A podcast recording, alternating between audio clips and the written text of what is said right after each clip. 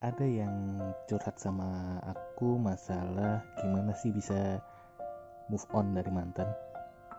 Uh, berdasarkan pengalamanku, yang pertama adalah habiskan waktu bersama orang-orang yang mencintai kamu.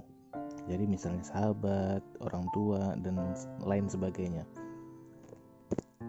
Karena semakin kita menghabiskan waktu bersama mereka, lama-lama kamu akan sadar yang pantas untuk dapatkan cinta dari kamu itu adalah mereka yang sayang sama kamu dan bukan mantan kamu.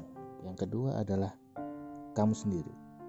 Jadi yang bisa membuat keputusan kamu bisa move on atau enggak itu adalah kamu sendiri. Oke? Okay?